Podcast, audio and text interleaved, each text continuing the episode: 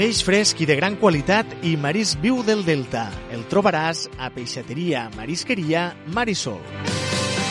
Som la teua peixateria des de fa 25 anys.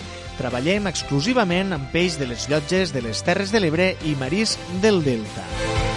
També som proveïdors per al sector de la restauració.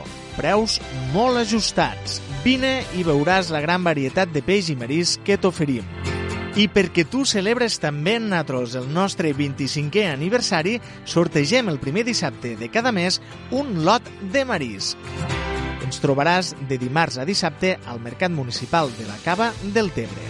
Telèfon 627 91 94 77. 627 91 94 77. Peixateria Marisqueria Marisol. T'esperem!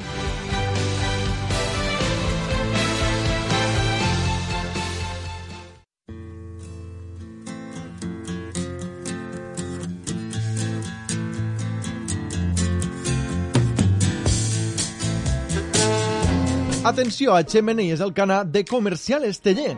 Pot escollir entre més de 20 marques i més de 400 models en estoc a l'exposició, amb ximeneies, estufes, barbacoes, forns i planxes. També servei de llenya i de pèl·lets. El de més qualitat i econòmic si compra per calories. Ah, informis del sistema de pagament sense interessos a 6 mesos o a 18 mesos. Si ho has sentit bé, a 18 mesos sense interessos. Recordi, sols a Comercial Esteller del Canà. A Comercial Esteller som professionals en experiència. Estem a la Nacional 340, quilòmetre 1061, al costat de les Cases del Canà. Telèfon 977 737 606.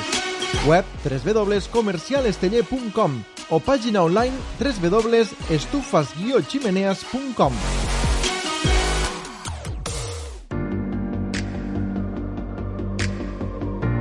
Instal·lacions i manteniments d'electricitat, calefacció, gas, aire condicionat i fontaneria Tomàs Colom. Ens trobareu al carrer Ramon i Cajal número 32 de Deltebre. Telèfon 977 48 01 85 i també a info arroba tomascolom.com.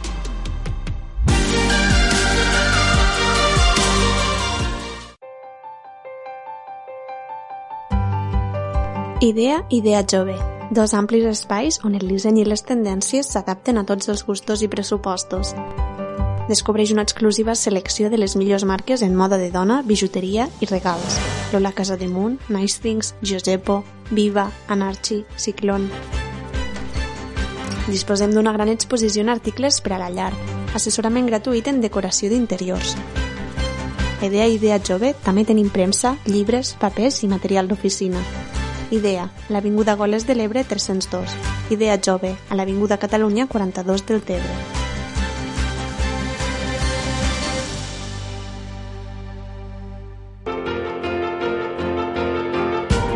A Rubiales i Callau fem treballs en serralleria metàl·lica i d'alumini i PVC amb la màxima qualitat. Mampares de bany, pèrgoles, finestres, portes, tancaments de terrasses, mosquiteres, vidres i persianes, amb una excel·lent relació qualitat-preu. A Rubiales i Callau comptem amb fàbrica pròpia, per la qual cosa ens podem adaptar exactament a allò que vostè necessita. Rubiales i Callau, serralleria metàl·lica i d'alumini i PVC. Estem al polígon Les Molines de Deltebre. Telèfon 977 48 02 81 977 48 02 81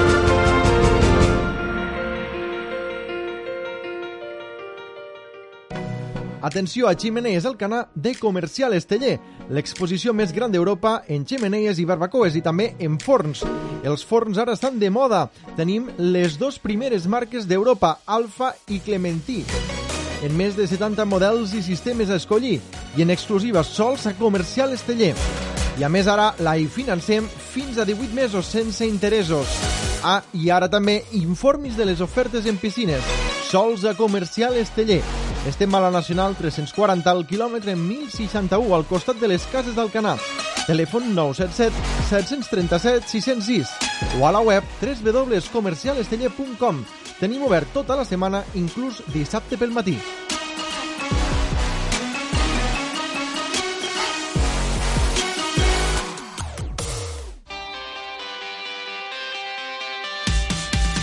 Ladrillos del Tebro, fàbrica de ceràmica i magatzem de materials de construcció.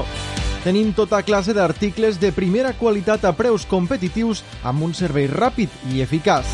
Oferim serveis de camió grua, toro, dumper i som especialistes amb el subministrament d'àrids a granel. Fabriquem productes ceràmics amb combustibles ecològics que no contaminen el medi ambient. Des de 1932 donant servei a Deltebre i a les Terres de l'Ebre. Ladrillos del Tebro, forn de l'obra.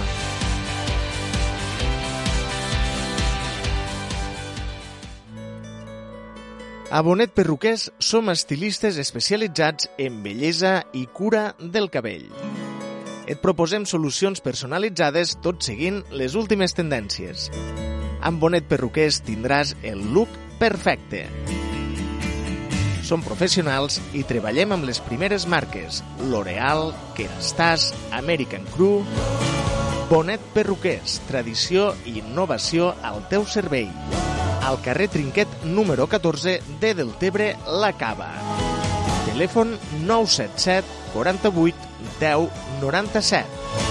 977 48 10 97.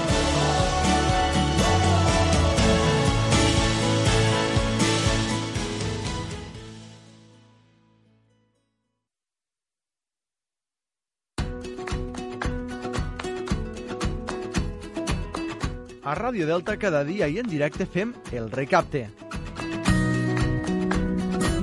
En directe pel 107.6 del dial i en directe pel canal streaming del portal delta.cat.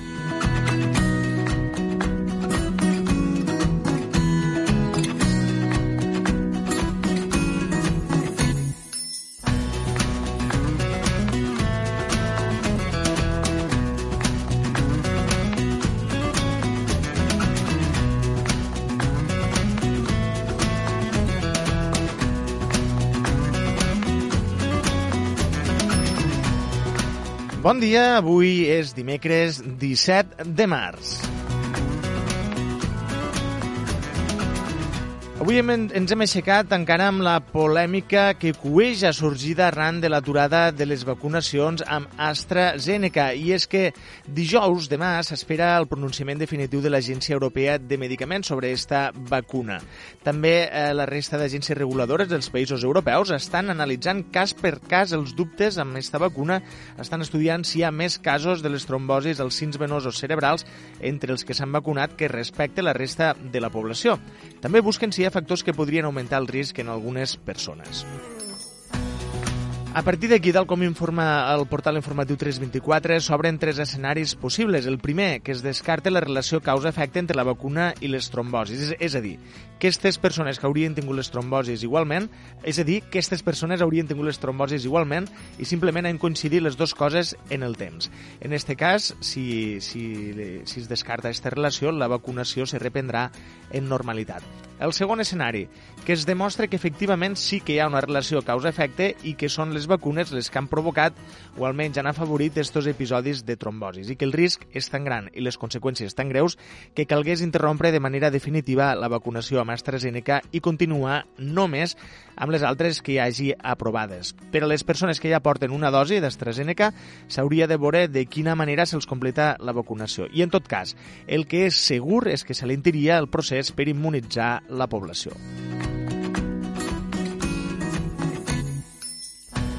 Però encara hi ha un tercer escenari, i és que es vegi que aquesta relació causa-efecte, que es vegi que hi ha aquesta relació causa-efecte, però que en la balança del risc-benefici, que sempre guia les decisions mèdiques, se considere que el risc és tan baix i el benefici per combatre la Covid tan gran que valga la pena assumir-lo. Això és el que es fa amb tots els medicaments. No n'hi ha ni un, ni els més utilitzats, com ara l'ibuprofeno, per exemple, que no pugui causar efectes, efectes adversos. Es podria, això sí, excloure d'esta vacunació, de la vacunació amb este fàrmac, les persones amb un perfil de risc més alt. Com hem dit, la decisió serà dijous, s'espera que sigui dijous el pronunciament definitiu de, l'Agència Europea dels Medicaments sobre aquesta vacuna. El Comitè de Seguretat de l'Agència Europea del Medicament ja fa dies que estan investigant els casos de trombosis i embòlies declarats. Esperen poder dir si es tracta d'una coincidència en el temps o si, per contra, com dèiem, es tracta d'un efecte secundari estrany.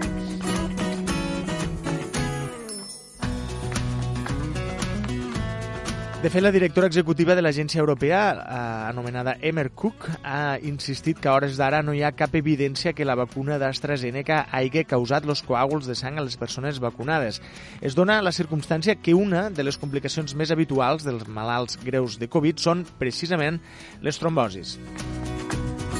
La farmacèutica AstraZeneca afirma que dels 17 milions de persones que han rebut la seva vacuna al Regne Unit i a la Unió Europea hi ha hagut una quinzena de trombosis venoses, una afectació que és molt poc freqüent, i una vintena d'embòlies pulmonars que són més habituals. Tot plegat, són menys casos dels que es donen entre la població general. L'Organització Mundial de la Salut insisteix que no s'atura la vacunació. Pel que fa a Catalunya, les autoritats sanitàries demanen calma sobre la frenada de l'administració amb les vacunes d'AstraZeneca. L'aturada davant d'una mínima sospita, diuen, demostra que el sistema de vigilància farmacològica funciona. A l'estat espanyol hi ha hagut un sol cas de trombosi venosa entre el milió de persones vacunades amb AstraZeneca sense que n'hagi provat la relació de causalitat. De moment, la frenada d'AstraZeneca deixa a a Catalunya 120.000 dosis aparcades a la nevera i gairebé el 60% dels treballadors essencials amb una dosi posada. A finals d'abril haurien de rebre la segona. Actualment Catalunya té només, i això sí que no ens cansarem de dir-ho, només un 8% de població amb una dosi posada i un 3%, atenció, un 3%, si em permeteu, un ridícul 3% amb les dos. Tot i les pedres al camí, com els retards primer i l'aturada d'AstraZeneca després, Salut manté els seus plans de començar a vacunar de forma massiva a l'abril, quan espera rebre unes 400.000 dosis. Això a mi no em sembla que sigui una vacunació massiva, si tenim en compte que a Catalunya són 7 milions i mig de persones. Però bé, com deia, com deia aquell, pitjor seria una patada al sec de la cama.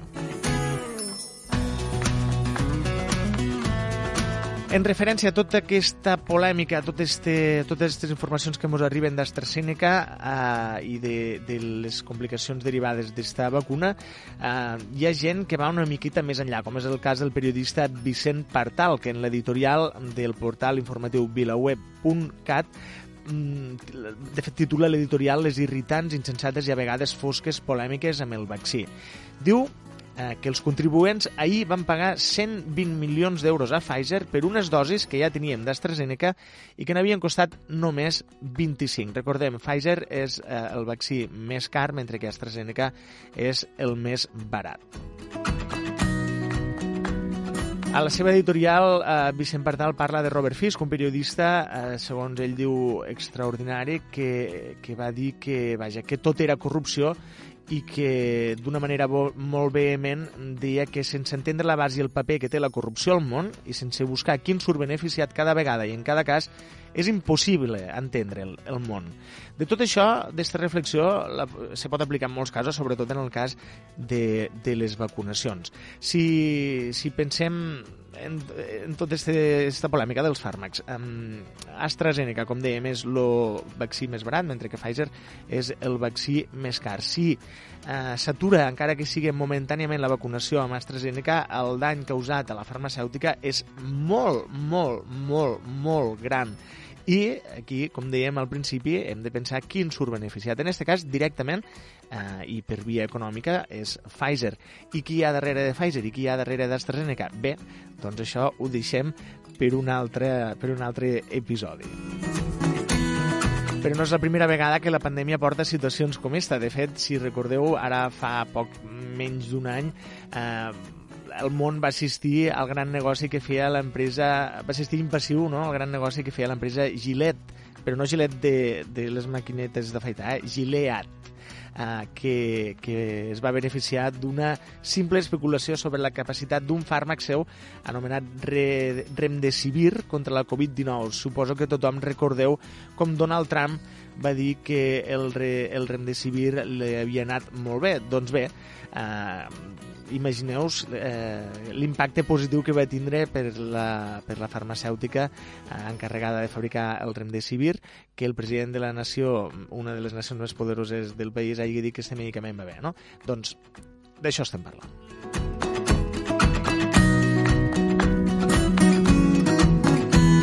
En fi, el món és molt més complicat del que, del que ens pensem i a la vegada també molt més simple del que ens pensem. Respecte a les vacunacions, eh, hem de dir que passi el que passi, està clar que les vacunes són absolutament imprescindibles si volem passar pàgina d'esta crisi sanitària. És normal, és completament normal que tinguéssim temor, és completament normal que ens mostréssim incrèduls davant d'este èxit de la sanitat mundial, com ha sigut crear en un any una sèrie de vacunes que, que ens protegissin d'un virus nou, eh, és normal que, que no ens acabessin de creure aquesta efectivitat, és normal moltes coses, però hem de ser valents, potser a vegades hem de pensar una mica més enllà i hem de fer la passa eh, de creure'ns, de donar un, un vot de confiança a la ciència. Mai abans en tota la història de la humanitat s'havia produït una situació igual a nivell científic, tot el món treballant junt per fer realitat esta vacuna que ja existeix i que funciona molt, molt, molt, molt bé, en general.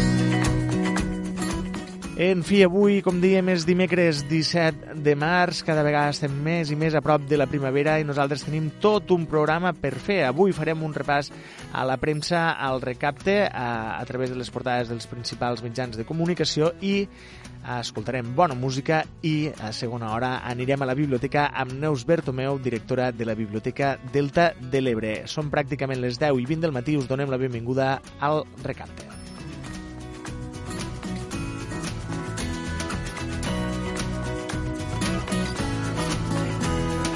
El recapte, per a la gent del Debre, amb Eduard Carmona.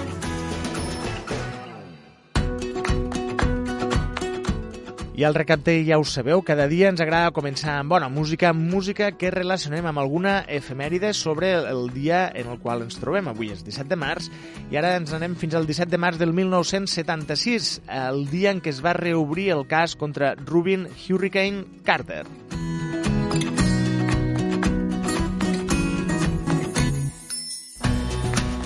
Diu la cançó, aquesta és la història de Hurricane, però no acabarà fins que netegin el seu nom i li tornin el temps que li han pres. El van posar en una cel·la a una presó, però una vegada, però una vegada eh, va poder ser el campió del món. Són els últims versos de Hurricane, la cançó en la que Bob Dylan va cedir la seva veu a Rubin Hurricane Carter, el boxejador que hagués pogut ser campió del món i no va ser perquè se'l va enviar a la presó injustament acusat d'un crim que no havia comès. Allò més gran, allò més... Eh, com ho podríem dir, allò més grandiós que té la cançó de Bob Dylan que obri el seu àlbum de l'any 75 Desire és que simple i planament eh, és simple i, i planerament això, la història de Hurricane. La cançó va ser només una peça més a la campanya que demanava la revisió del cas, però va ser, sense cap mena de dubte, una de les claus d'aquesta campanya.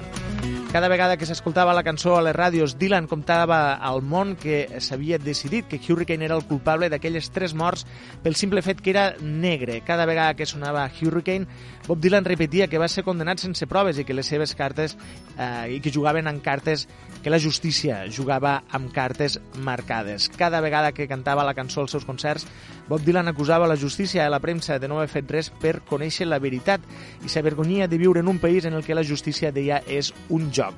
Però la història de Hurricane eh, es va, en la seva història es va obrir una porta a l'esperança quan un adolescent canadenc va llegir la seva autobiografia titulada El setzer assalt. Aquest eh, noi va voler conèixer el protagonista de la història i quan ho va fer a la presó on el, on el campió estava tancat, portava tancat la meitat de la seva vida, va intuir que deia la veritat i, i va decidir que faria tot allò possible per salvar-lo.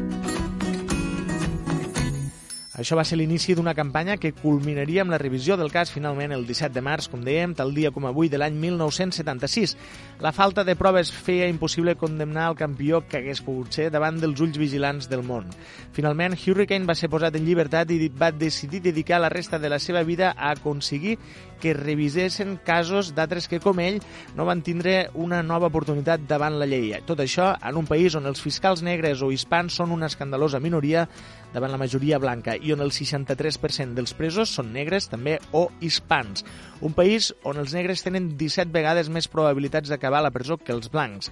Un país, eh, al cap i a la fi, on, des que es va revisar el cas de Hurricane, més d'un centenar de condemnats a mort han pogut deixar el corredor de la mort justament perquè eren innocents.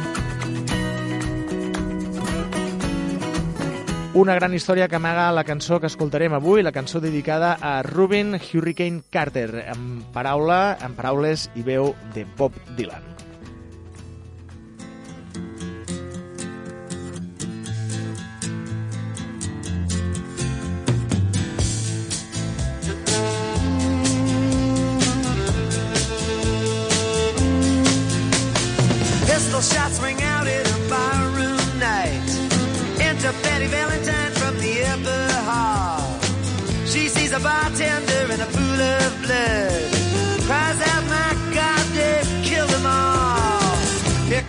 story of the hurricane.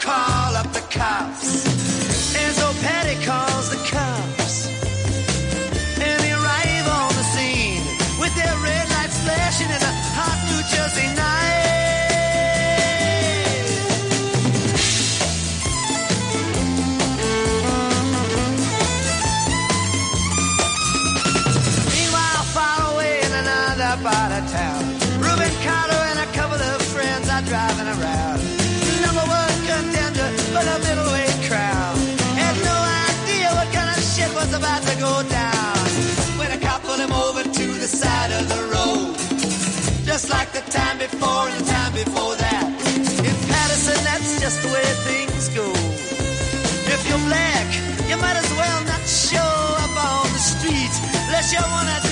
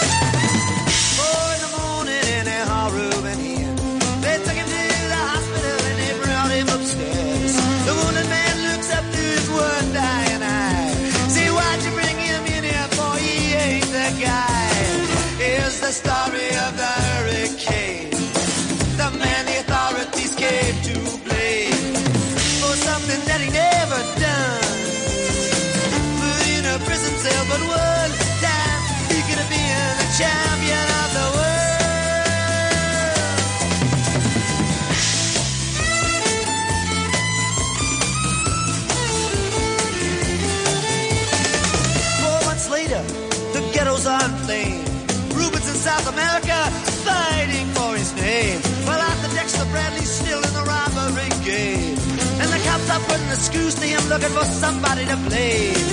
Remember that murder that you happened in a bar. Remember you said you saw the getaway car. Thinking like the playboy with the law. Think it might have been that fighter that you saw.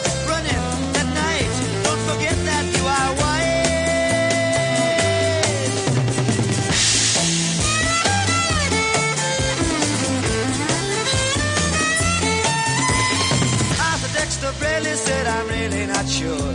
The cop said a poor boy like you could use a break. We got you for the motel job and you're talking to your friend Bello. You don't want to have to go back to jail, be a nice fellow.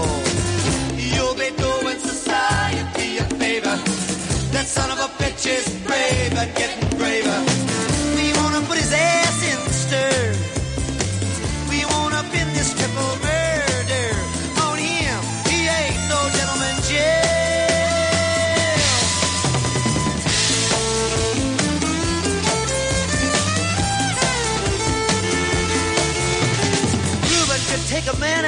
just one punch. But he never did like to talk about it all that much. It's my work, he'd say. I do it for pay. And when it's over, just as soon go on my way. Up to some paradise. Where the trout streams flow and the air is nice. And ride a horse along the trail. But then they took him to the jailhouse where they tried to turn a man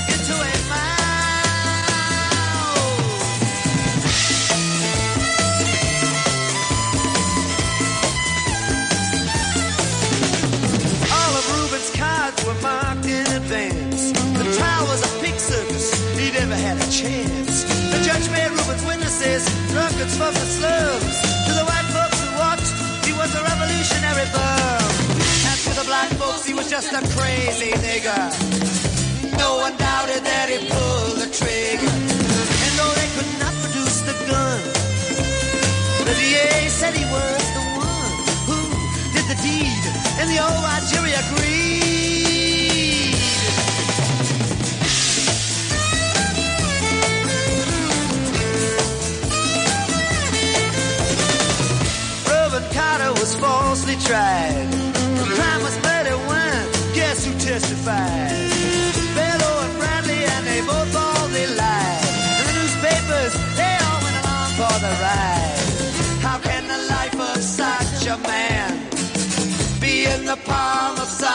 Fool's hand? To see him obviously framed couldn't help but make me feel ashamed to live in a land where justice is a game.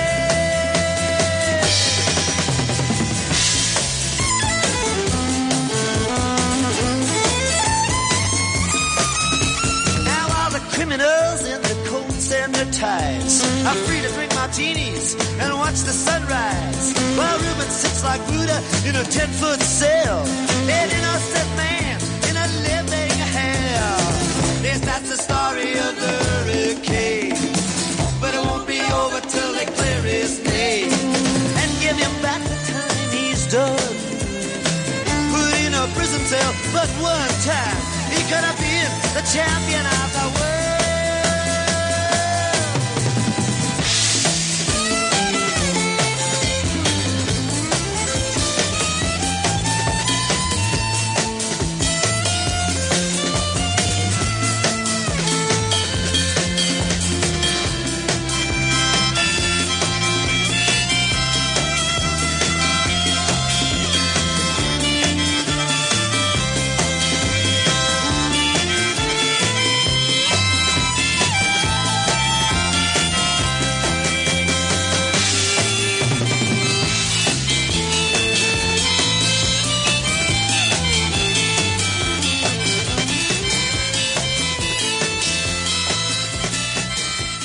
Hurricane Carter és, era el boxejador al qual Bob Dylan li va dedicar esta cançó, una de les cançons més cèlebres de l'intèrpret del Bard de Minnesota. Nosaltres avui escoltarem música de Bob Dylan amb cançons famosíssimes, cançons que han fet la volta al món diverses vegades i han tornat al cor de cadascú, com esta, que va ser versionada també pels Birds, una cançó titulada Mr. Tambourine Man.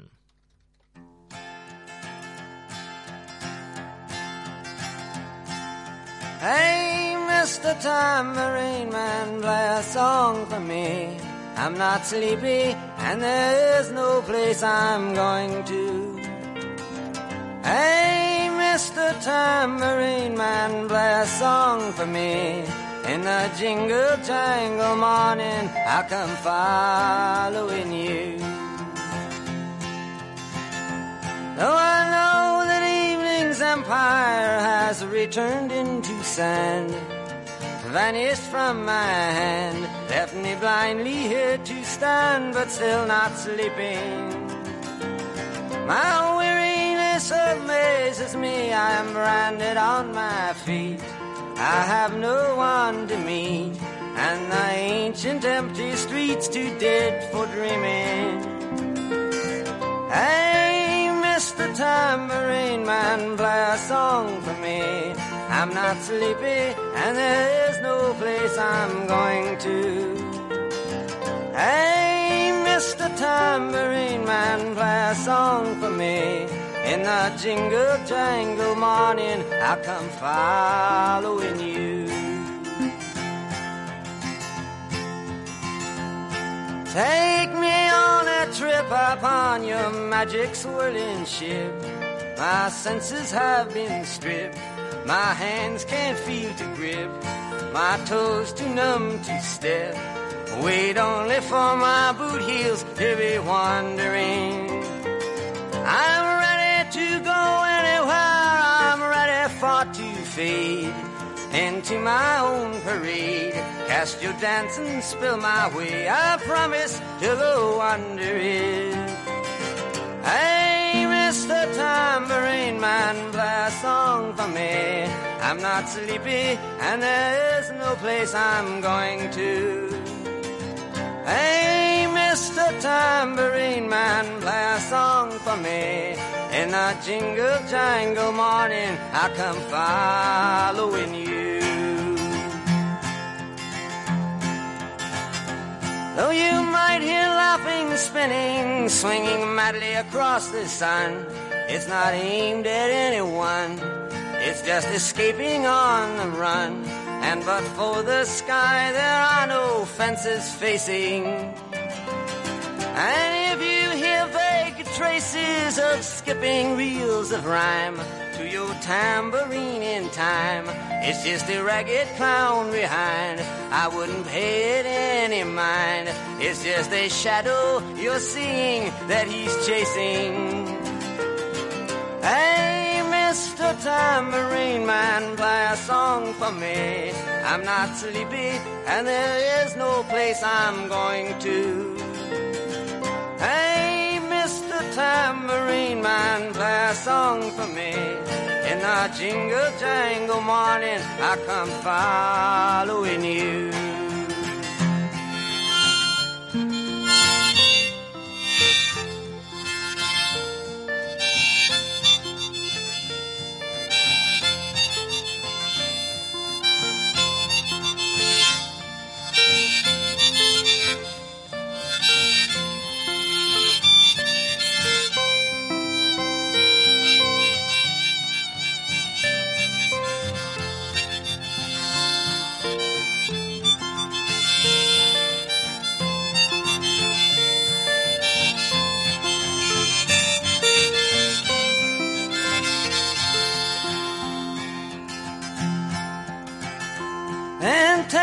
Disappearing through the smoke rings of my mind, down the foggy ruins of time, far past the frozen leaves, the haunted, frightened trees, out to the windy beach, far from the twisted reach of crazy sorrow.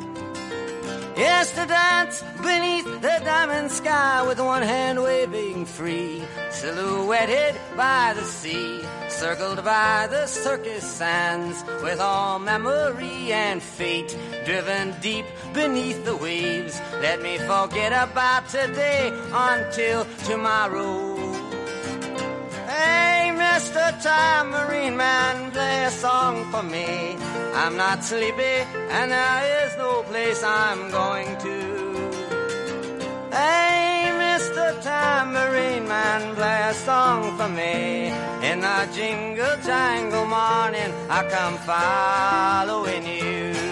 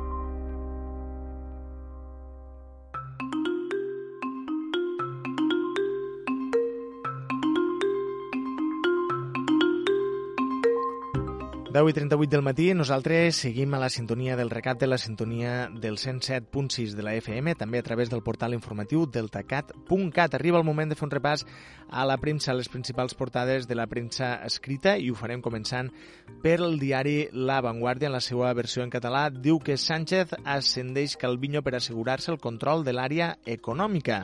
El president situa la titular d'Economia a la vicepresidència segona i entrega a Díaz la tercera. Este era el principal titular de la portada de La Vanguardia que recull en la seva foto de portada un altre titular tornen les protestes del taxi. Milers de taxistes estan cridats a concentrar-se demà a les 9 del matí a la plaça Espanya de Barcelona en protesta per la tornada a l'activitat d'Uber a la ciutat. La intenció dels taxistes és eh, circular eh, després lentament per la Gran Via i la Via Laetana fins a arribar al Parlament. Els taxistes es manifesten en contra d'un signe del temps, sembla, que és, són les noves tecnologies. Eh, potser valdria la pena allò d'unir-se a les noves tecnologies en lloc de protestar-hi en contra, perquè, segons sembla, segons sembla eh, l'arribada d'Uber és per quedar-se. Un altre titular a l'avantguàrdia, lleugera millora de les expectatives de les empreses. Un terç de firmes de l'estat espanyol preveuen augmentar les vendes a la primavera. Els altres destacats la portada de l'avantguàrdia. Europa s'encomana a Pfizer per a proseguir amb el pla de vacunació. La farmacèutica facilitarà un 70% de les dosis previstes de l'abril al juny. També en pàgines interiors La Vanguardia dedica una anàlisi als riscos i beneficis d'AstraZeneca i en clau esportiva destaca que la Porta aconsegueix l'aval al minut 90 amb un símil amb, un, amb l'últim minut d'un partit, per exemple, de futbol. Dos destacats més, dos destacats més a la portada de La Vanguardia, més de 4.000 nens detinguts a la frontera entre els Estats Units i Mèxic i eh, un destacat també per l'arquitectura, un Pritzker social per a l'Acaton i Basal. Eh, suposen que seran dos arquitectes eh, que han rebut un premi.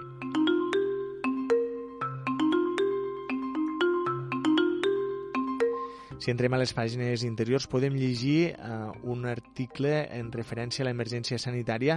Europa s'encomana Pfizer per salvar el ritme de vacunació. Europa té quatre vacunes autoritzades per fer front a la Covid. És un article signat pel corresponsal de la Vanguardia a Brussel·les, Jaume Masdeu diu que de manera immediata Europa depèn en bona part de Pfizer. Durant el segon trimestre, dels 300 milions de dosis que s'espera distribuir, 200 són d'esta farmacèutica. A més, és gairebé l'única que proporciona alguna bona notícia, com els 10 milions de dosis, de dosis suplementàries anunciades ahir.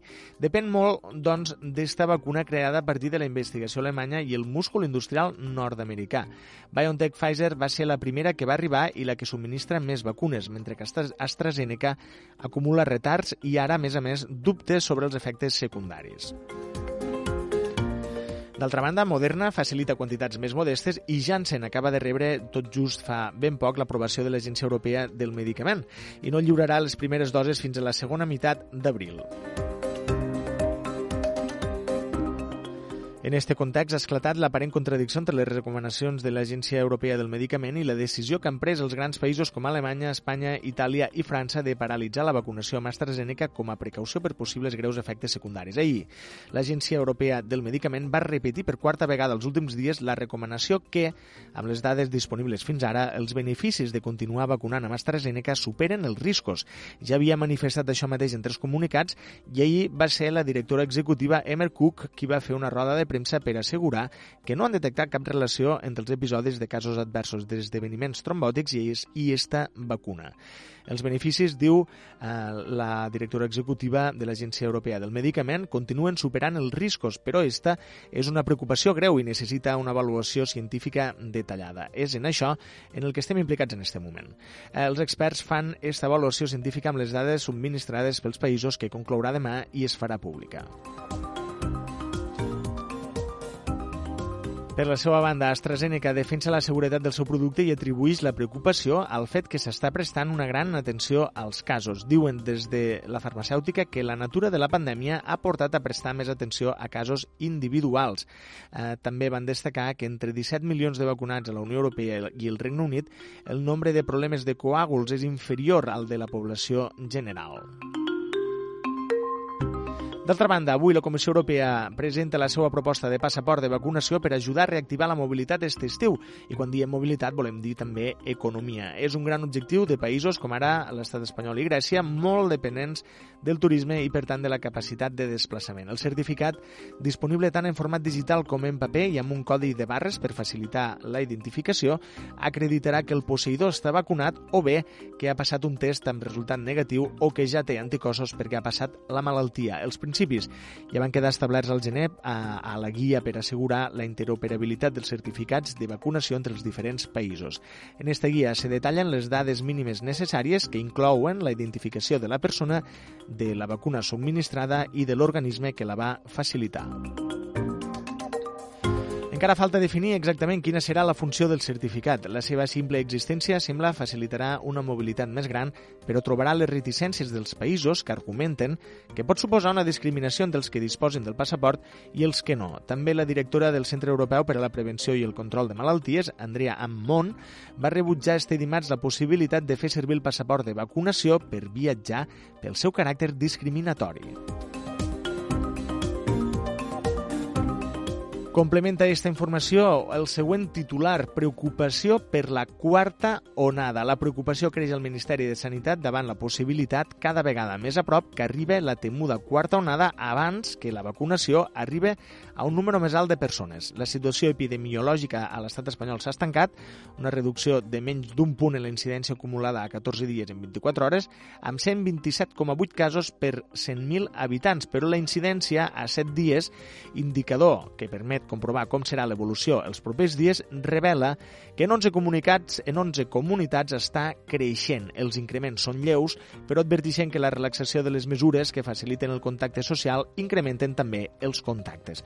Una altra vegada, les mirades es fixen en Madrid, la comunitat després de Melilla amb més incidència de tot l'estat espanyol i amb les UCIs encara a un 35% és la única regió, i, eh, conjuntament amb les ciutats autònomes, que no ha aconseguit controlar la tercera onada. És, de fet, la comunitat que presenta unes mesures més laxes. I estem que no ho aconseguís que abans que arriben els dies festius, com ara el pont de Sant Josep, este proper divendres, i Setmana Santa, dies que incrementen els contactes i la mobilitat, encara que sigui només regional. Passem de diari, anem al periòdico. L'Agència Europea del Medicament acaba avui la investigació sobre els casos de trombosi, consens científic a favor de la vacuna d'AstraZeneca. L'Agència Europea del Medicament declara la seva convicció que el fàrmac suspès a mitja Europa no comporta risc i l'Organització Mundial de la Salut alerta contra el pànic. La imatge de portada no és una fotografia, sinó en aquest cas una representació gràfica, un dibuix, una vinyeta de còmic parla dels fogons de la Kitchen. Veiem en portada el xofer de Bárcenas, uh, veiem l'excomissari Villarejo, um, diu que li dirà, l'anomenarà el cuiner, i ell li pregunta, i aquest nom? Diu, home, diu, com que et diu Sergio, en honor a Sergi Arola. La història il·lustrada als fogons de la Kitchen, l'extresorer del PP mm, Bárcenas inaugura les declaracions davant la comissió parlamentària que investiga el seu espionatge. Els alcaldes denuncien la soledat que han sentit durant la pandèmia, un altre dels titulars recollits en la portada del periòdico, que té també els següents destacats. Díaz conserva treball i queda un esglaó per sota de Calviño en el govern, rescat de 320 milions per assegurar 6.000 llocs de treball a Globalia i Barceló, agències de viatges, i parla d'un projecte d'obres aprovat aprovada la reforma de la Rambla sense diners ni data al calendari. Parlem, és clar, m'imagino, de la Rambla de Barcelona.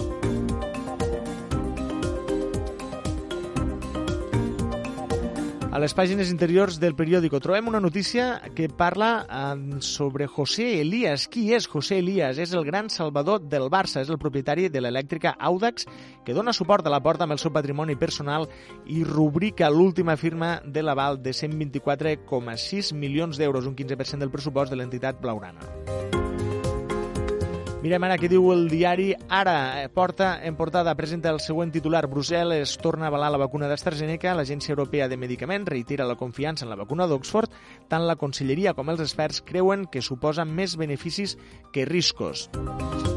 La fotografia en portada del diari Ara, la guerra civil inèdita. El MENAC presenta per primer cop en una exposició les fotos sobre la guerra civil que Antoni Campanya, nascut el 1906 i mort l'any 1989, va amagar en vida i que van sortir a la llum fa dos anys, unes fotos que guardava en un garatge. Més destacats a la portada del diari Ara. La llei d'amnistia entra al Congrés sense opcions de prosperar. Errejón rebutja l'aliança amb Iglesias a Madrid i un titular per al Barça, la porta salva in extremis l'aval de 125 milions. També destaca la portada del diari Ara que Salut només ha cobrat 150 de les 92.000 multes posades des de l'estiu per les mesures anticovid.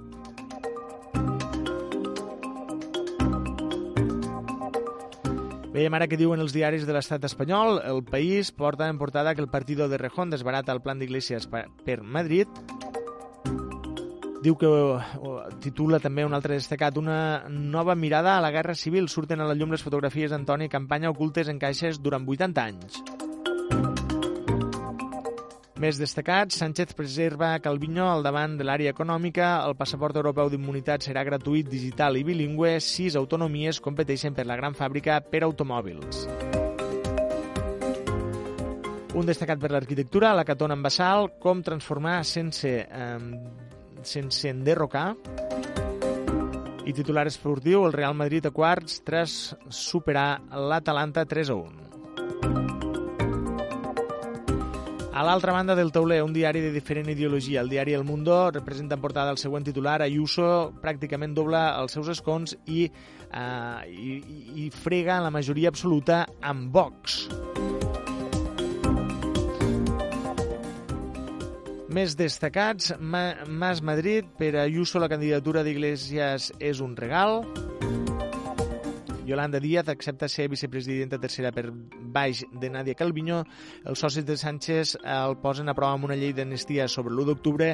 El PSOE ofereix a Podemos bonificacions per frenar el lloguer, però sense limitar els preus.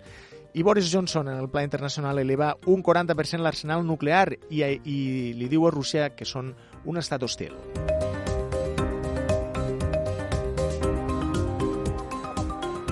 La premsa esportiva, eh, el Mundo Deportivo, presenta en portada a Lionel Messi amb el següent titular. Guinness és el jugador amb més partits, és el jugador que acumula més minuts, és el jugador que acumula més gols i el jugador que suma més títols de tot eh, de tota la història de l'entitat blaugrana. Després d'igualar ja 20 partits jugats, eh, Leo Messi ostenta tots els grans rècords individuals de la història del Barça.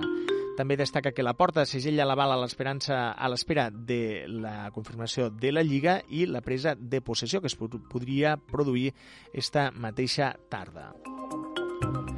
Fem ara un cop d'ull a l'Ebre Digital. En portada, ferit crític el conductor d'un turisme que ahir va sortir de la via a l'Aldea.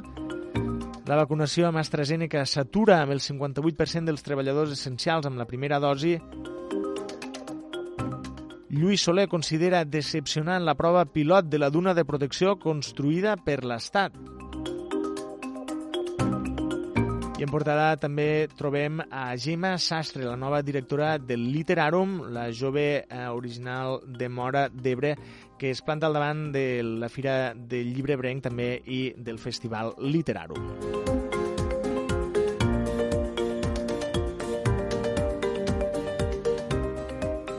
Per acabar, el setmanari L'Ebre en la seva edició digital porta en portada Roques Jusca, puja al podi en la segona prova del Campionat de Catalunya de promeses del motocross, presència de joves pilots ebrencs al circuit d'Almenar més de 150 corredors van omplir les graelles de totes les categories convocades.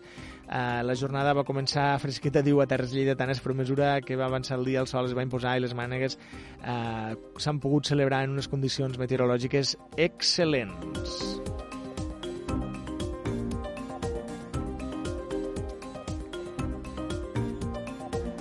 Fins aquí el repàs a l'actualitat d'avui. Són les 11 eh, menys 7 minuts del matí, les 9 menys 7 minuts de la nit, de la nit segurament si ens escolteu a la primera remissió del programa i la 1 de la matinada menys 7 minuts ho feu a la segona remissió del nostre programa. Som la gent del recapte i us fem companyia des de les 10 del matí fins les 12 del migdia. Avui al nostre programa estem escoltant Bob Dylan i, i, i tornem amb una cançó extreta de la banda sonora de la pel·lícula Big Lebowski. La porta per títol The Man in Me.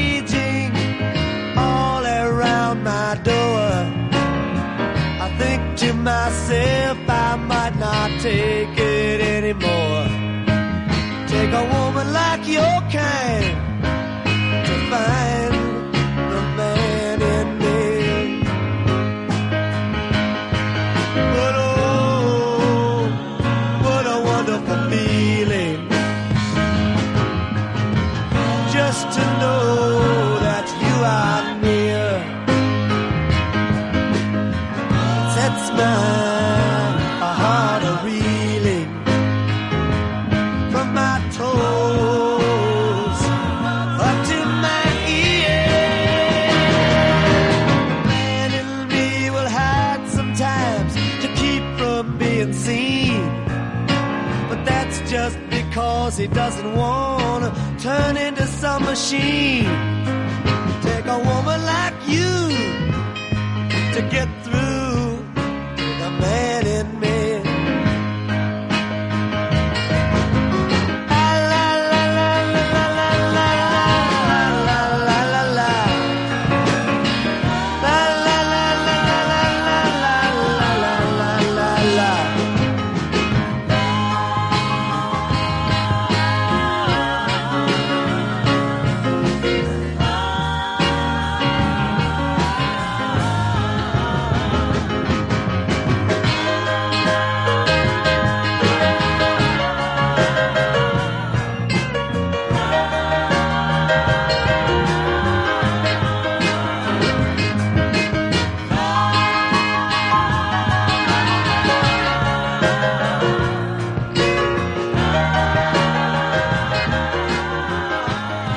Man in Me, una de les grans cançons de Bob Dylan, en este cas inclosa la banda sonora d'una gran pel·lícula dels germans Coen, Big Lebowski. Nosaltres seguim escoltant Bob Dylan avui al nostre programa amb un dels seus grans èxits, la cançó Like a Rolling Stone. Una cançó que ens portarà fins al punt de les 11 del matí, escoltarem els butlletins de Leonor Bertomeu i tornarem tot seguit a la segona hora del recapte. Upon a time so fine, do the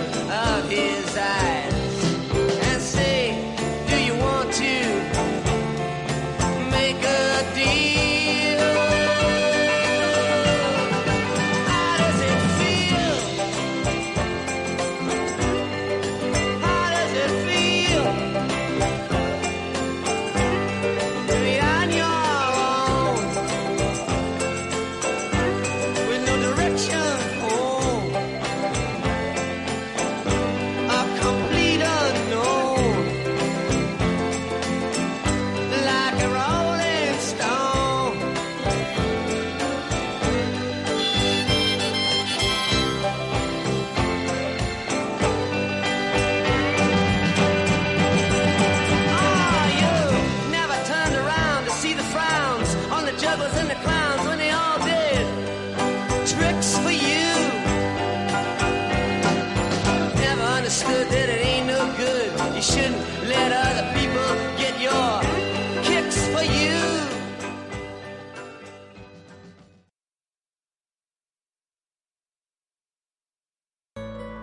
A Bonet Perruquers som estilistes especialitzats en bellesa i cura del cabell. Et proposem solucions personalitzades tot seguint les últimes tendències. Amb Bonet Perruquers tindràs el look perfecte. Som professionals i treballem amb les primeres marques L'Oreal, Kerastase, American Crew... Bonet Perruquers, tradició i innovació al teu servei. Al carrer Trinquet número 14 de Deltebre, La Cava. Telèfon 977 48 10 97. 977 48 10 97.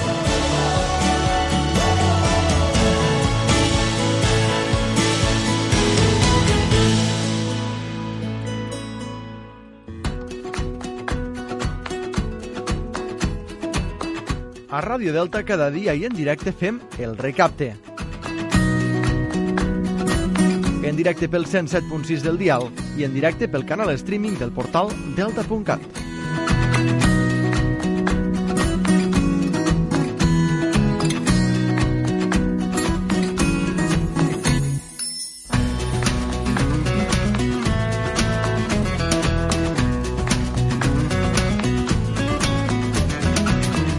Onze i 12 minuts del matí nosaltres reprenem el recapte ara mateix, arrenquem la nostra segona hora, una segona hora que ens portarà fins a la Biblioteca Delta de l'Ebre per parlar de llibres, per parlar de literatura amb la seva directora Neus Bertomeu. Això serà d'aquí a uns minutets.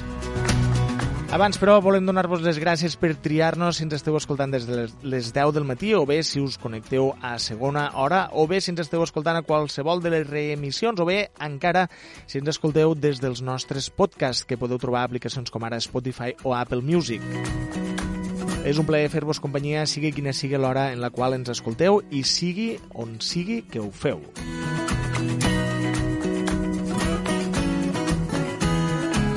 Com dèiem, en esta segona hora anirem a la biblioteca amb Neus Bertomeu, directora de la Biblioteca Delta de l'Ebre. Això serà d'aquí uns minuts. Abans escoltarem una mica més de música del cantant al qual avui hem dedicat la nostra selecció musical. Cantant també Premi Nobel de Literatura és eh, Bob Dylan. D'ell escoltarem ara la cançó Atrapat a Mobile amb el blues de Memphis.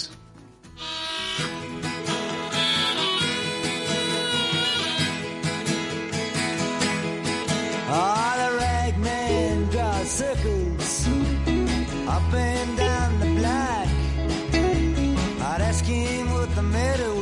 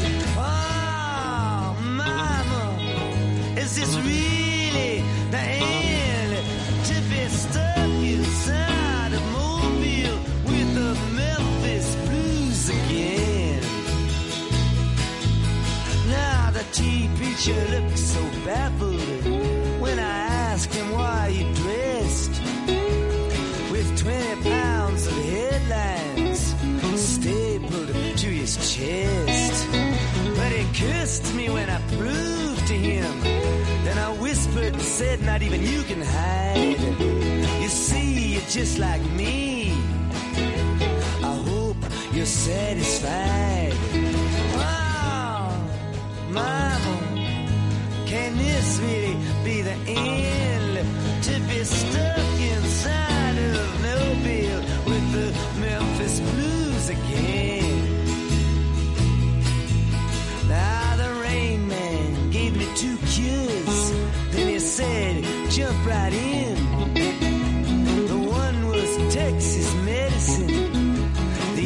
just railroad chain. And like a fool, I mixed them, and it strangled up my mind. And now people just get uglier, and I have no sense of time. Oh, mama, can this really be the end? To be stuck inside a mobile with the Memphis Blues again. says, Come see her in a honky tonk lagoon where I can watch her waltz for free neath her Panamanian moon. And I say, Oh, come on now. You know, you know about my debutante. And she says, Your debutante just knows what you need, but I know what you want. Oh, mama can this really be the end? To be stuck inside a mobile with the Memphis blues again. Now the bricks lay on Grand Street where the neon madmen climb. They all fall there so perfectly. It all seems so well timed. And here I sit so patiently, what price you have to pay to get out of going through all these things twice.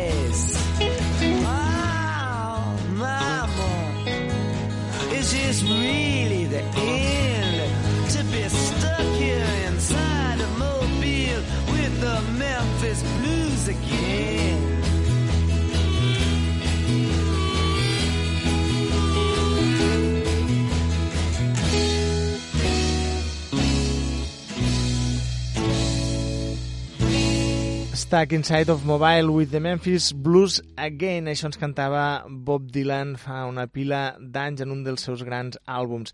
Um, Bob Dylan té grans cançons interpretades per ell mateix, però també interpretades per altres grans històrics i mítics cantants i intèrprets de la música mundial, com és el cas de Johnny Cash i June Carter, que tots dos junts van versionar un dels cèlebres temes de Bob Dylan, It Ain't Me, Babe, No Soc Jo, um, Carinyo.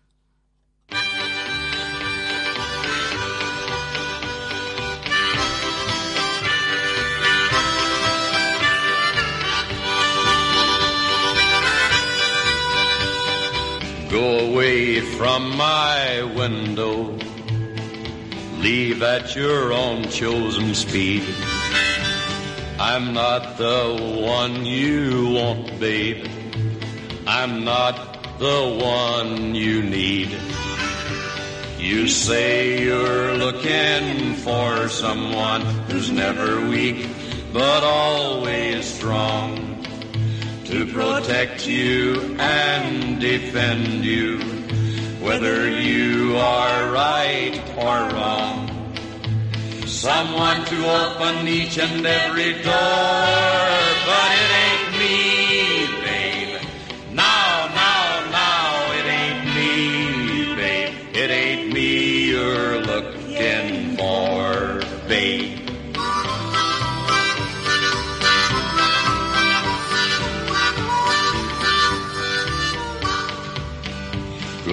lightly from the ledge, babe. Go lightly on the ground. I'm not the one you want, babe. I'll only let you down. You say you're looking for someone who'll promise never to part. Someone to close his eyes for you. Someone to close his heart. Someone to die for you and more. But it ain't me,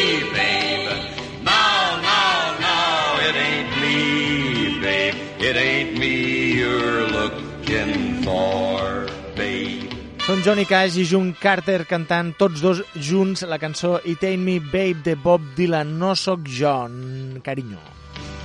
You say you're looking for someone to pick you up.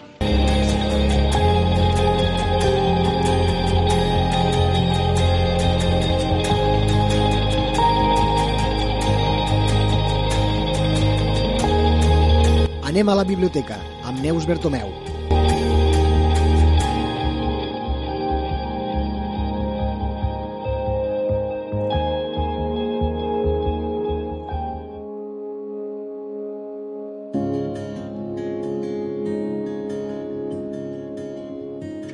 Doncs reprenem la nostra secció habitual de cada dimecres, la secció en la qual anem a la biblioteca amb Neus Bertomeu, directora de la Biblioteca Delta de l'Ebre. Aquí ja saludem. Neus, bon dia i benvinguda. Bon dia. Avui eh, tenim una nova entrega d'esta secció en la qual coneixem eh, més, ens endinsem, podríem dir, en el món de la literatura i del catàleg que disposeu a la Biblioteca Delta de l'Ebre. De què parlarem avui, Neus? Bueno, avui parlarem de poesia. Ep. Potser perquè hi ha Estem- alguna efemèride al voltant, no? Sí, bueno, de fet, el diumenge és el Dia Mundial de la Poesia, que se celebra des de no sé quan, des de fa molts anys. Sí, fa uns quants anys ja. I, i bueno, és coincidint en lo, en lo dia que bueno, teòricament comença la primavera, ja sabem que la Mm. primavera gastro... Ai, Gastronòmica també. també. gastronòmica a vegades varia, sí. Però bueno, és, va lligada en esta, en esta commemoració i, i per tant, com ho tenim aquí a tocar, doncs parlarem això, dels, de llibres de poesia, que és un tema minoritari, bueno, més minoritari, Mhm. de fer la narrativa no la cal promocionar, que ja és lleig, i, Mm. i la poesia doncs, sempre cal que li dones una mica de, de recolzament. Exacte. Tot i així, Neus, a les biblioteques normalment n'hi ha molta de poesia. Sí, Mhm. déu-n'hi-do, els llibres que tens al fons que hi ha de, de dir, poesia. És, és com un d'aquells... És un dels llocs on pots trobar molta poesia a les biblioteques. Si no ets aficionat a llegir-ne, doncs m'imagino que també a la Biblioteca del Delta de l'Ebre n'hi haurà de tots els gèneres, de tots els estils i, com aquell que diu, per a tots els públics. Sí, de fet n'hi ha de molt assequible, diguéssim, perquè, per exemple, hi ha els reculls estos o temàtics o, o per Mhm. exemple, pues, antologia de la poesia nord-americana o de la italiana o... Després hi ha antologies que, són, que giren al voltant d'un tema, no tantes, però bueno, Per exemple, poemes d'amor mm, o sí, poemes poesia curts, amorosa o, o, per exemple, per a celebracions i així, hi ha, fa una, hi ha una editorial que fa uns anys va fer 50 poemes Sí. de... I llavors Sí, hi ha sí, sí, sí. diferents temàtiques. I també els podeu trobar aquí a la biblioteca. I si no, doncs les antologies típiques de, de literatura catalana o castellana, uh -huh. el que sigui, no? que normalment los, los poemes recollits sempre són els més assequibles Mhm. diria jo, per a gent que, que no està acostumada a la poesia no? i que s'hi vol introduir, doncs sempre van bé, no? Aquesta classe de, de tries més generals. I tant. Doncs bé, obrim, obrim l'armari a veure què podem trobar dins de, de avui, en este, en este capítol que parlarem de poesia. El primer que tot volia destacar dos, dos llibres que tenim, Mm, no són nous ni molt menys, però són de la Felícia Fuster, Fuster? que és la enguany se commemora el centenari del seu naixement i bueno, era una dona polifacètica, era una artista global, diguéssim, en el sentit de que igual pintava, que traduïa, que, que Brutal. escrivia ella mateixa. A més, una dona molt, molt... O sigui, que tenia molt clar el seu esperit de llibertat, no, no es tallava davant res. Va viure a partir dels anys 50, es va instal·lar a, a França, diguéssim, Mhm. i allà va morir, però sempre va escriure en català. Bueno, sempre, Bueno, suposo sempre. que en francès també, no? És Però, una poeta que va començar a publicar als 63 anys, si no m'equivoco. Sí. Va néixer com a fet- poeta als 63 anys. sí, sí, com a... I, de fet, mm, en seguida va, va captar l'atenció no? d'altres autors i dels Mhm. mateixos crítics perquè realment era, tenia un, un valor, un gran valor no? Sí, sí. literari la seva poesia. sense cap mena de dubte, un llenguatge propi molt profund i, i molt interessant. És la seva una d'aquelles poesies eh, oblidades o passades, no, no et diré menys tingudes, perquè com tu dius la crítica sempre l'ha tractat bé, però sí que és molt, és una gran desconeguda. Jo mateix la vaig conèixer, si no m'equivoco, al voltant de l'any 2010, però en un, en un recital que va muntar la poeta Mireia Vidal Conte, que és una de les grans defensores eh, els últims anys, és una de les que ha posat en, en valor l'obra de Felícia Fuster. Pues sí, i de fet és realment desconeguda per al gran públic Uh -huh. i enguany, com que es fa el centenari, se celebra el centenari, és una de les commemoracions que, que ha tirat endavant el Mhm. Departament de Cultura de la Generalitat i, a més, cada Dia Mundial de la Poesia es tria un poema d'un poeta o, poe, Uh -huh. una, o una poeta catalana i enguany justament han triat el nom d'Escolleu de la Felicia Mhm. Fuster. Lo, lo poema este del, del Dia Mundial de la Poesia 2021, a més de, de normalment llegir-se a les activitats que es fan lligades a este dia, -hmm. se tradueix, en, enguany s'ha traduït a 21 idiomes, hi ha un fullet digital que, que es troba per internet on podeu trobar el mateix poema traduït a 21 idiomes. Això és el que ha fet oficialment la Generalitat, diguéssim. Però Mhm. després hi ha cinc traduccions més fetes per voluntaris, doncs a l'asturià, al bengalí, hi ha a quatre, o sigui, a cinc idiomes, a, a cinc altres idiomes, Mhm. i a més també està la versió en braille, vull dir que li Déu-n'hi-do. donen molta empenta no, al poema este del dia i jo penso que és una bona forma de, de descobrir o de que el gran públic descobrim esta poeta no oblidada però no tan coneguda com altres. Exacte, ha passat a la història com una poeta, no sé, molt discreta, però és que quan comences a llegir-la te'n dones compte que, que, que és molt bona. Jo vull dir això, molt bona, és molt bona la Felícia Fuster, com a poeta.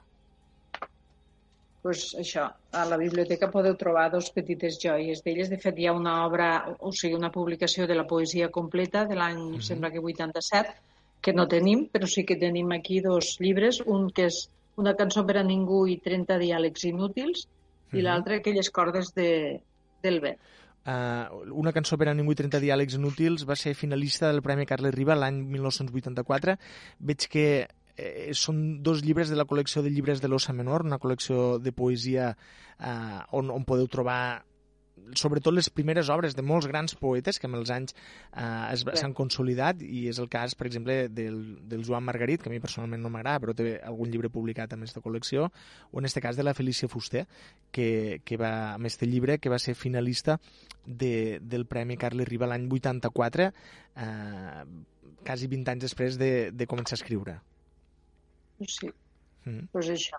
Teniu aquí dos, dos reculls, o sigui, dos llibres de poesia d'esta autora que us convido a descobrir. Jo lo, no em despulleu de, No, eh, no em perdona, que, despulleu el poema del dia, o sigui, del dia que... Mhm. mundial de la poesia d'enguany és molt bonic, és un Sí, poema molt, molt bonic. Ho és, ho és sense cap dubte. Escolta, he dit 20 anys després de començar a escriure i no, volia dir el, el mateix any que, que, va, que va publicar per primera vegada, diguéssim. Em sembla que aquest és el Que seu ja va primer tindre llibre. un reconeixement, Sí, diguéssim. Temps d'arribar, ja va, va ser finalista del Carles Riba, això volia dir, eh? Sí. Sembla que va estar madurant, no? Perquè no crec que es posés a escriure en aquesta edat, sinó que ella devia escriure sempre Sí. i al final se va decidir se va decidir no? a sortir a, Mhm. a, a la plaça i, i realment va ser un gran un gran què perquè de cop se li va reconèixer no? Sí, sí. La De fet, de fet l'any 87, eh, que és tres anys després eh, de que ser finalista de, del Premi Carles Riba, va guanyar el Premi Vicent Andrés Estellers. Um, si no m'equivoco, l'any 87 per un llibre titulat I, i encara.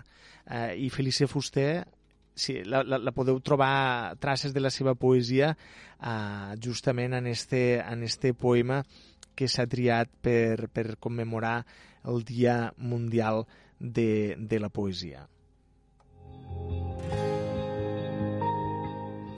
Neus, seguim parlant de poesia. Mm, quins altres llibres mm, tens avui per, per parlar-nos?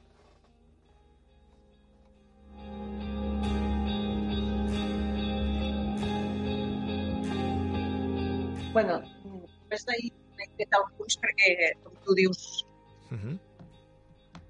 Digues, digues, Neus. que com tu dius, eh, a la biblioteca podeu trobar molta poesia, de fet, no sé quants metres de prestatgeria tenim i tenint en compte que la majoria són primers, són molts de, de llibres que hi ha allà a la secció. Mm -hmm. Però bueno, només és, és fer un, una petita tria per a que donar-vos a conèixer coses que potser no us hem comentat mai, no? perquè alguna vegada sí que havíem comentat lo de les antologies de literatures de diferents llengües i així, però ara aquí, per exemple, tenim la poesia lírica completa de la Joana Raspall, que Ah, molt bé. ja n'havíem parlat alguna vegada. Sí. Joana Raspall, a part de fer molts diccionaris i lluitar molt per la llengua catalana, va, va escriure també poesia, o sigui, molta poesia infantil, Molta. que és per això que se la coneix més, però de fet és, era una poeta també d'adults, diguéssim, i aquí es va fer una edició, el Cepila Nansa va fer una edició no fa molts, no sé si coincidint en el seu centenari, el 2013, diguéssim, Sí, de, encara, de la poesia completa compilada en un únic volum. encara hi devia ser viva Raspall. la Joana Raspall, si no m'equivoco. Sí, em sembla que sí, perquè De fet, va... Sí, encara era viva Ep, hem perdut... perquè aquí no consta l'any de la mort, però la seva mort Sí, va sí. passar dels 100 anys, em sí. sembla. De fet, No, de fet no va, morir, exactament, però... va morir, crec, eh, el 2013 mateix.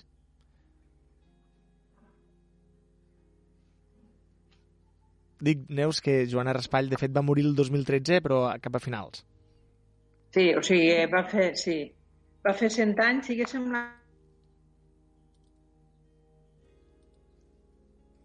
l'any que se li va va publicar este volum, va, un llibre que eh, bueno, va sorgir arrel d'una exposició que es va fer al Museu de l'Ebre a Tortosa, Uh -huh. que es diu Massip Mauri, Fills d'un paisatge, i després s'ha editat este llibre, no? que no és el catàleg de l'exposició, però bueno, està bastant relacionat, i hi ha una petita introducció històrica per a que entenguéssim el pes d'aquestes dues figures dins de la cultura ebrenca, diguéssim, i, i la importància que van tindre els anys 60, 50, 60 i 70, Uh -huh.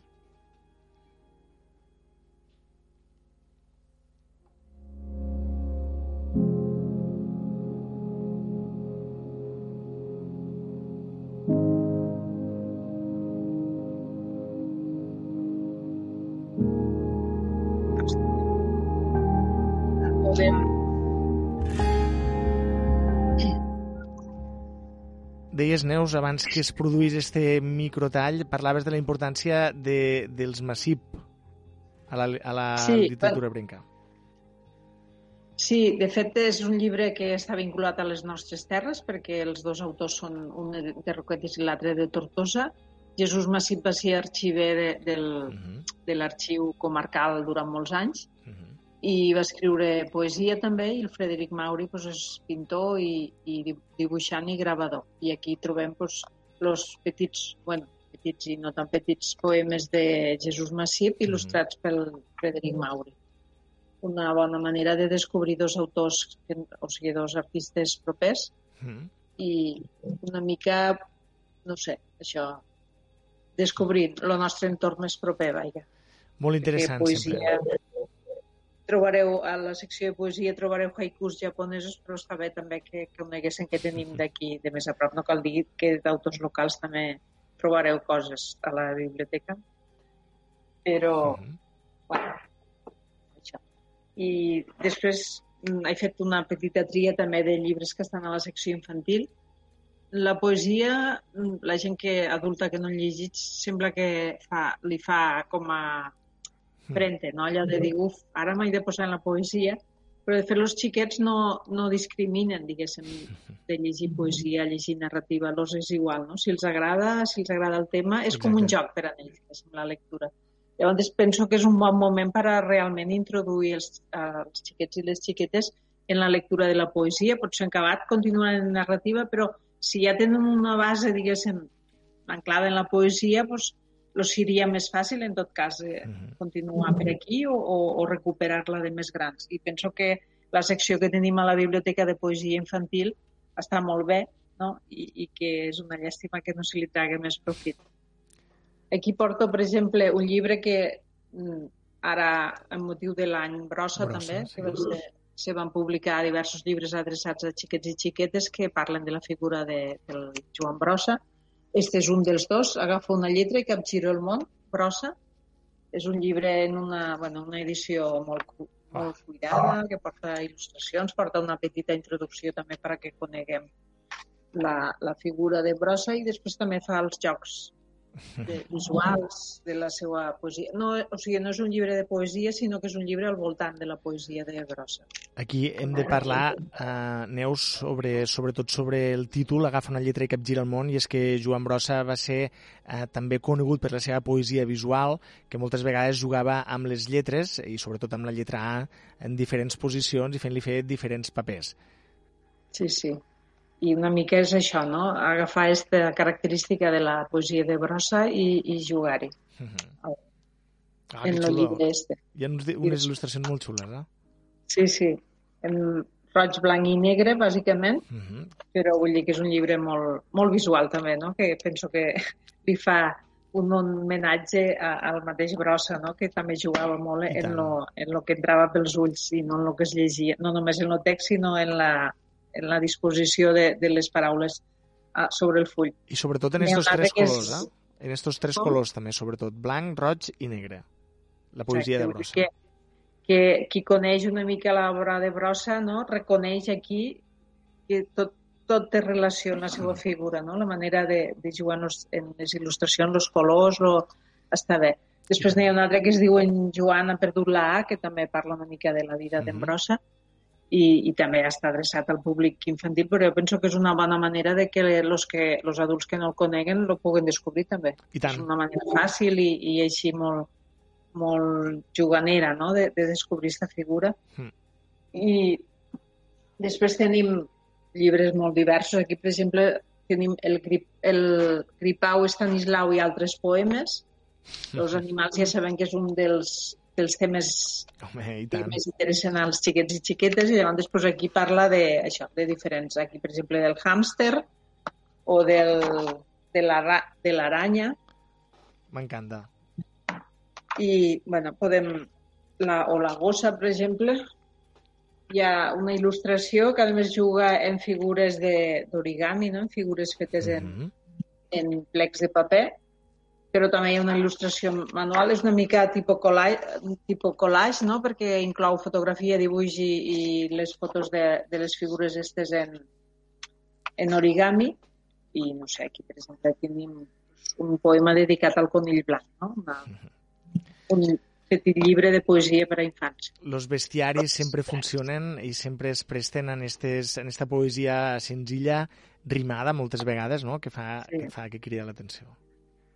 Exacte. De fet, molts dels llibres de, de poesia infantil són temàtics, diguéssim. Sí, sí, sí. sí. Fa, fa anys la, la Magrana es va dedicar a publicar uns, una col·lecció que recopilava poesia d'autors catalans de diverses èpoques, però feia unes tries temàtiques. És que, per exemple, parla de les flors, n'hi ha que parla del sol, les estrelles i la lluna, i, i n'hi ha, estan adreçats als xiquets i xiquetes, i, i bueno, ens trobem lo, per exemple, poesia esta que està dedicada a les flors sobre la ginesta, no?, de, La ginesta perfumada, la ginesta de Joan Maragall, no? Sí, de Joan Maragall. O, per exemple, no sé, Irem a collir violetes del Tomàs Garcés. Ah, també, un poeta... Recordo un llibre de lectura que deien que era un poeta jove.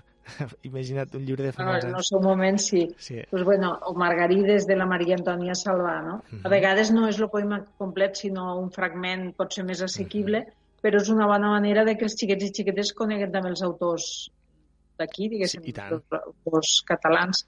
I jo penso que en el seu moment va ser una bona iniciativa i ja et dic, solen ser molt temàtics els, els llibres de, de poesia infantil. Aquí, per exemple, també tenim este de l'Avesir d'Ari, Ah, l'Aves Sirdari. Aves, Aves Sirdari. Sí, este és un llibre relativament nou i llavors tenim un abecedari que s'identifica, diguéssim, en personatges o coses d'un circ. Mhm, Llavors, cada, aquí, per exemple, perdoneu, tenim la A d'acròbata mhm. I, i hi ha un petit poema dedicat a l'acròbata o a la ballarina, a la B, o, al, o a l'equilibrista a la E, no? Mhm. i així fan un recorregut, diguéssim, a través de l'abecedari, a través de personatges de, de, de circ o vinculats al món del circ. Molt xulo. A més, un món que crida eh, als infants, el món del circ. Sí, que són coses que els clamen, no? que es busca... Després aquí tenim este que és en llengua castellana, també tenim recopilacions de poesia en castellà, i es diu Les ales del abecedario, però abecedario en B baixa perquè està dedicat a les aus, no? Lo, lo poemari este. Uh, també hi ha I molts poetes eh, que dediquen els seus poemes a, Sí. a les aus. De fet, hi ha el poema, este, per exemple, que t'estic mostrant, que és el, dedicat al frailecillo, que és un, bueno, Ah. un ocell molt simpàtic que, que segur que han vist en més d'un documental. I a part baix posa el seu nom en, en llatí, no? Seu nom El científic. nom científic. I llavors, pues, eh, això, és un abecedari també, a- dedicat a, als ocells Uh -huh. en llengua castellana i que va, bueno, aquí per exemple tenim lo petirrojo o el lloro, però bueno, Són, o po l'urrac. Són poemes dels mateixos autors, Neus, o són de diferents Sí, autors? sí. Mhm. O sigui, l'autor és- s'ha dedicat a, a, construir poemes, diguéssim, en, Ah, molt bé. en, relacionats en cada ocell. I una feinada, també. Sí, també, també. Uh, aquí Sí, en, castellà, en castellà tots recordem aquell del, del Becker, no?, de Volverán les oscures golondrines, no?, Eh, Exacte, referent als sí, sí. ocells. pues aquí és l'autor, diguéssim, que ha creat aquests poemes, començant per l'avestrús i acabant pel zorcal, que no sé com se diu en català, però bueno, Zorcal? de la A la Z. El Zorcal. Zorcal, sí. Ni idea. No sé llegir. I després també tenim, per exemple, trobareu, vaiga, mm, reculls, de, no reculls, sinó llibres de poesia d'autores com la Joana Raspall o del, inclús del Miquel Martí Pol, que té un, algun poemari adreçat a infants com aquell de Bon Profit, Bon que és Profit. molt divertit, no? Són uns poemes molt divertits sobre diversos plats. I, però aquí, per exemple, tenim la Fina Girbès, que també va escriure un poema que, bueno, recull animals, però, bueno, sobre diferents temes. No és un poe... o sigui, no és un poemari temàtic en aquest cas, Mhm. no? que ja està bé també perquè no, tampoc està bé que lo dels poemaris temàtics funciona, però no poden ser tots temàtics tampoc. No? Exacte. També- Que hi està varietat. Sí. Aquí tenim un del, de la Núria Albertí, que és Fantasma de Rimades, que parla de, bueno, de personatges d'estos de temor, no? Aquí el Mhm. genet sense cap, que seria lo... I tant. El Van Helsing. O, o per exemple, la, la bruixa dels confits, no? la que surt al conte de Hansel i Gretel, o tombes, o les veus, o els fantasmes, està bé, també és divertit, Sí. no? És un, És I és un tema que, tot i que els tira atrás, però sempre els agrada, Sí. no? És una mica morbosos Sí, sí, sí. xiquetes. En, es, en el tema de, dels fantasmes, tot això sempre, sempre funciona, tant per, per acudits com per poemes, com per Sí, sí. històries de fantasmes. I tant. I aquí tenim, per exemple, un altre de la Fina Girbès, que sonen els versos, que també és un llibre, un llibre nou, diguéssim, dels que hi ha. Tots els, poema, els poemaris infantils sempre van il·lustrats, vull dir que Mhm. també això afavoreix no? que, el puguen, que els pugui agradar més no? un poemari, però o sigui, hi ha, com esta que parlàvem de la Magrana, que són col·leccions ja molt clàssiques, però en canvi s'està continuant publicant poesia per a infants contínuament, vull dir, hi ha llibres molt Mm. nous i, i molt interessants. O, per exemple, este del 11 poemes, que està bé perquè està adreçat, és una col·lecció que es fa en lletra de pal, i així els primers, o sigui, els lectors que comencen a llegir no? poden, poden llegir també poesia perquè aquesta edició és en lletra de pal. I tenim poemes senzills, però que, L'estrella... que els pot ajudar, diguéssim, a, agafar el gust per la lectura, no? perquè Mhm. com les poesies són com un joc de, de, de veu i de to i de ritme, això també els pot ajudar a, a entrar millor, diguéssim, en, la, en el món de la lectura, perquè a vegades, bueno, ja ho saben que hi ha xiquet o xiqueta que té dificultats no? a l'hora d'iniciar-se en la lectura. Jo penso que la poesia és un bon, una bona eina per a, per a trencar una mica aquesta barrera. I tant. I, i també suposo, Neus, llegir, ja que has dit això de la lectura, llegir diferents registres de llibres, és a dir, llegir des de còmics fins a poemes, fins a teatre, fins a contes, no? Per veure una Sí. mica, per posar-te en situació i, i, i, i no sé, distingir les, les diferents tonalitats que pot portar una frase, o, o, o vaja, o veure que les paraules no sempre se llegeixen igual. Claro.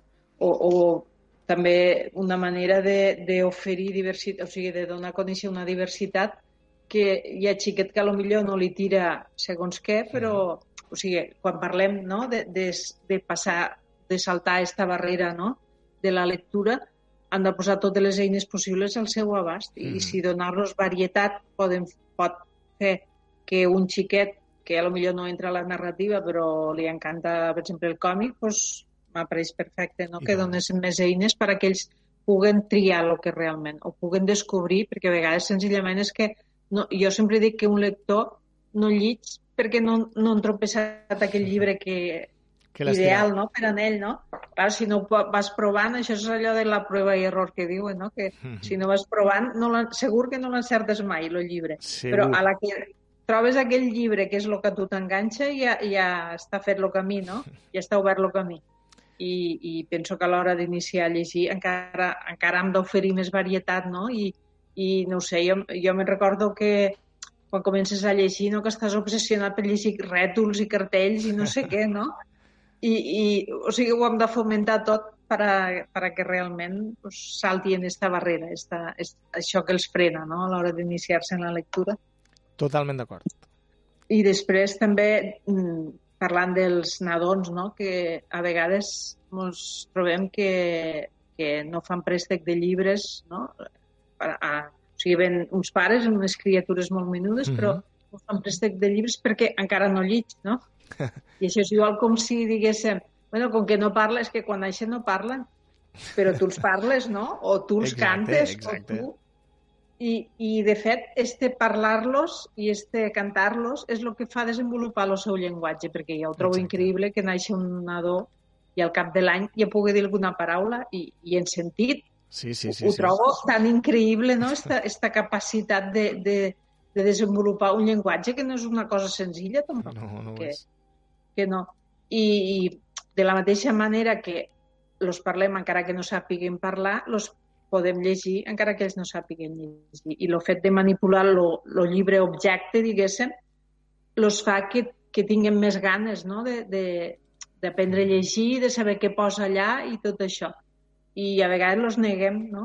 Se nega esta, esta possibilitat perquè, ah, no, perquè com que no lligen ja no agafem llibres Sí, sí.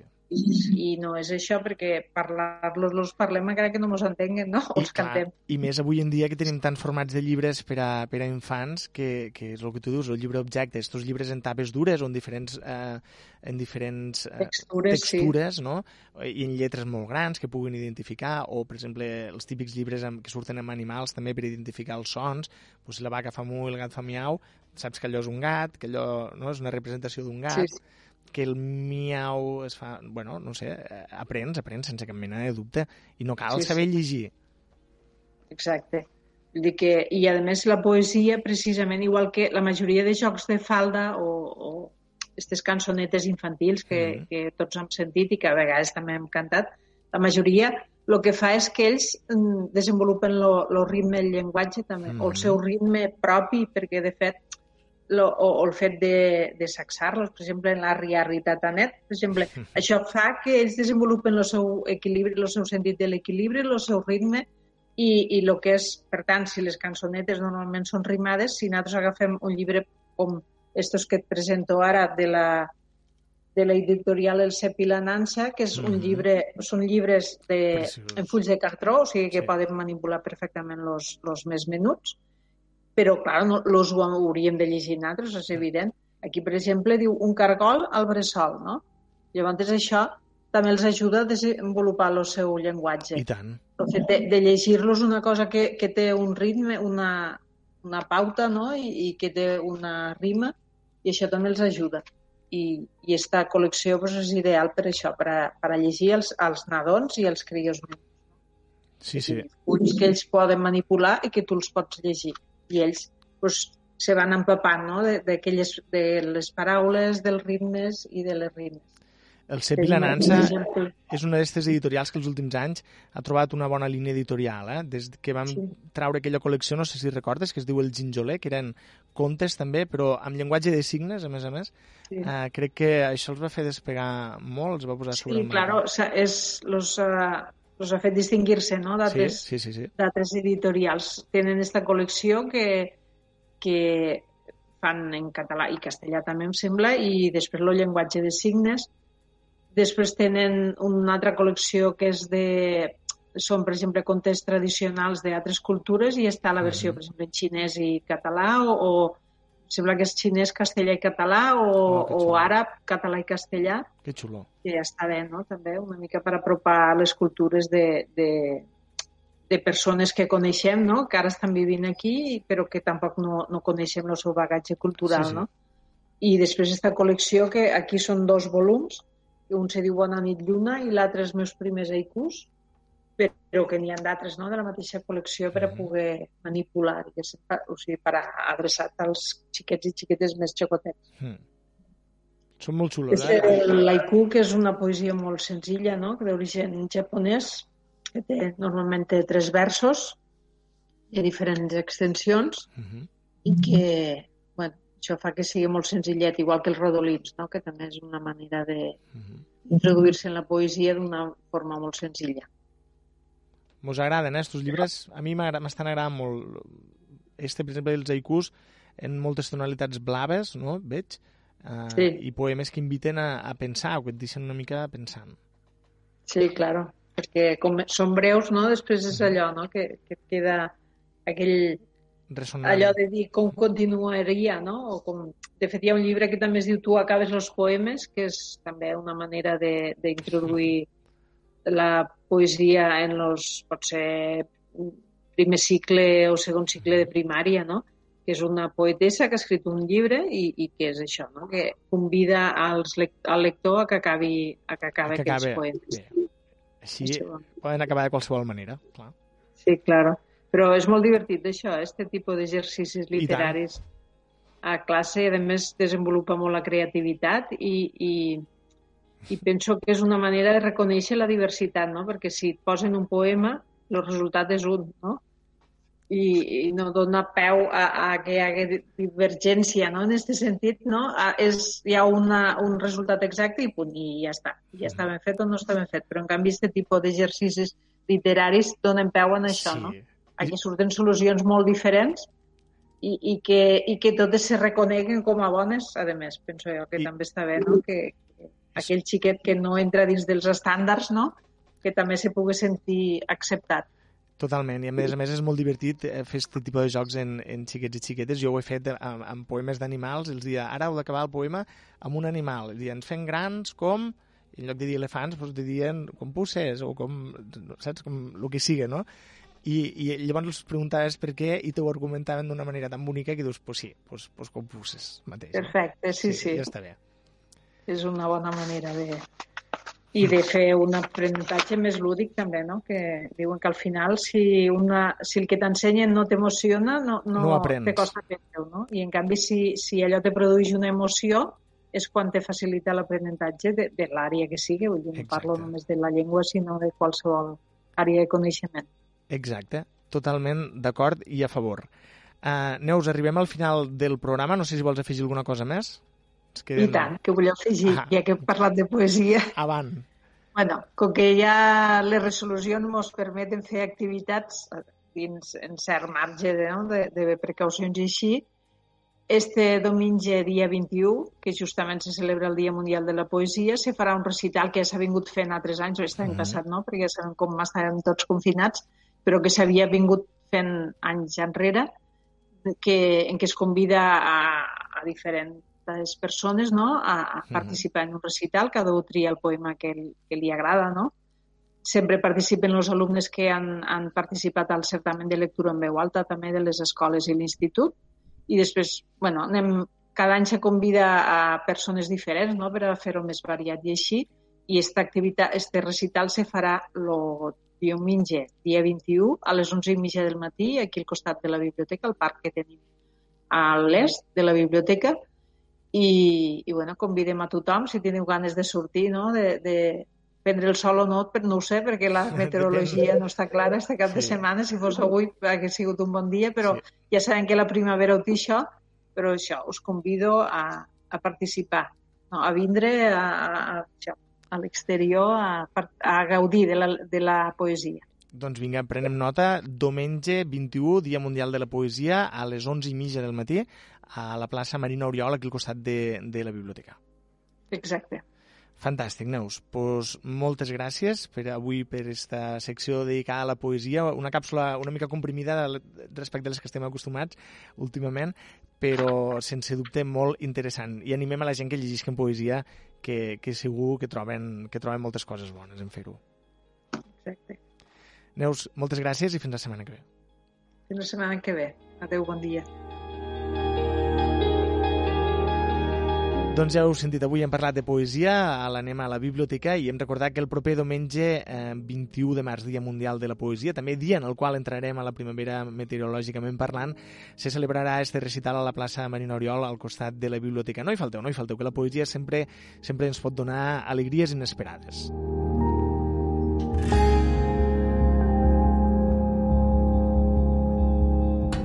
Nosaltres arribem d'esta manera al final del nostre programa, posem el punt i final, vaja, més que un punt i final, un punt i seguit, i és que el recap de tornar demà dijous a partir de les 10 del matí al 107.6 de la FM a Ràdio Delta, també a través del portal informatiu deltacat.cat. Moltes gràcies per triar-nos, per fer-vos companyia, us esperem demà al nostre programa com cada dia de dilluns a divendres. Acabeu de passar molt bon dia, sigueu feliços i felices i fins demà.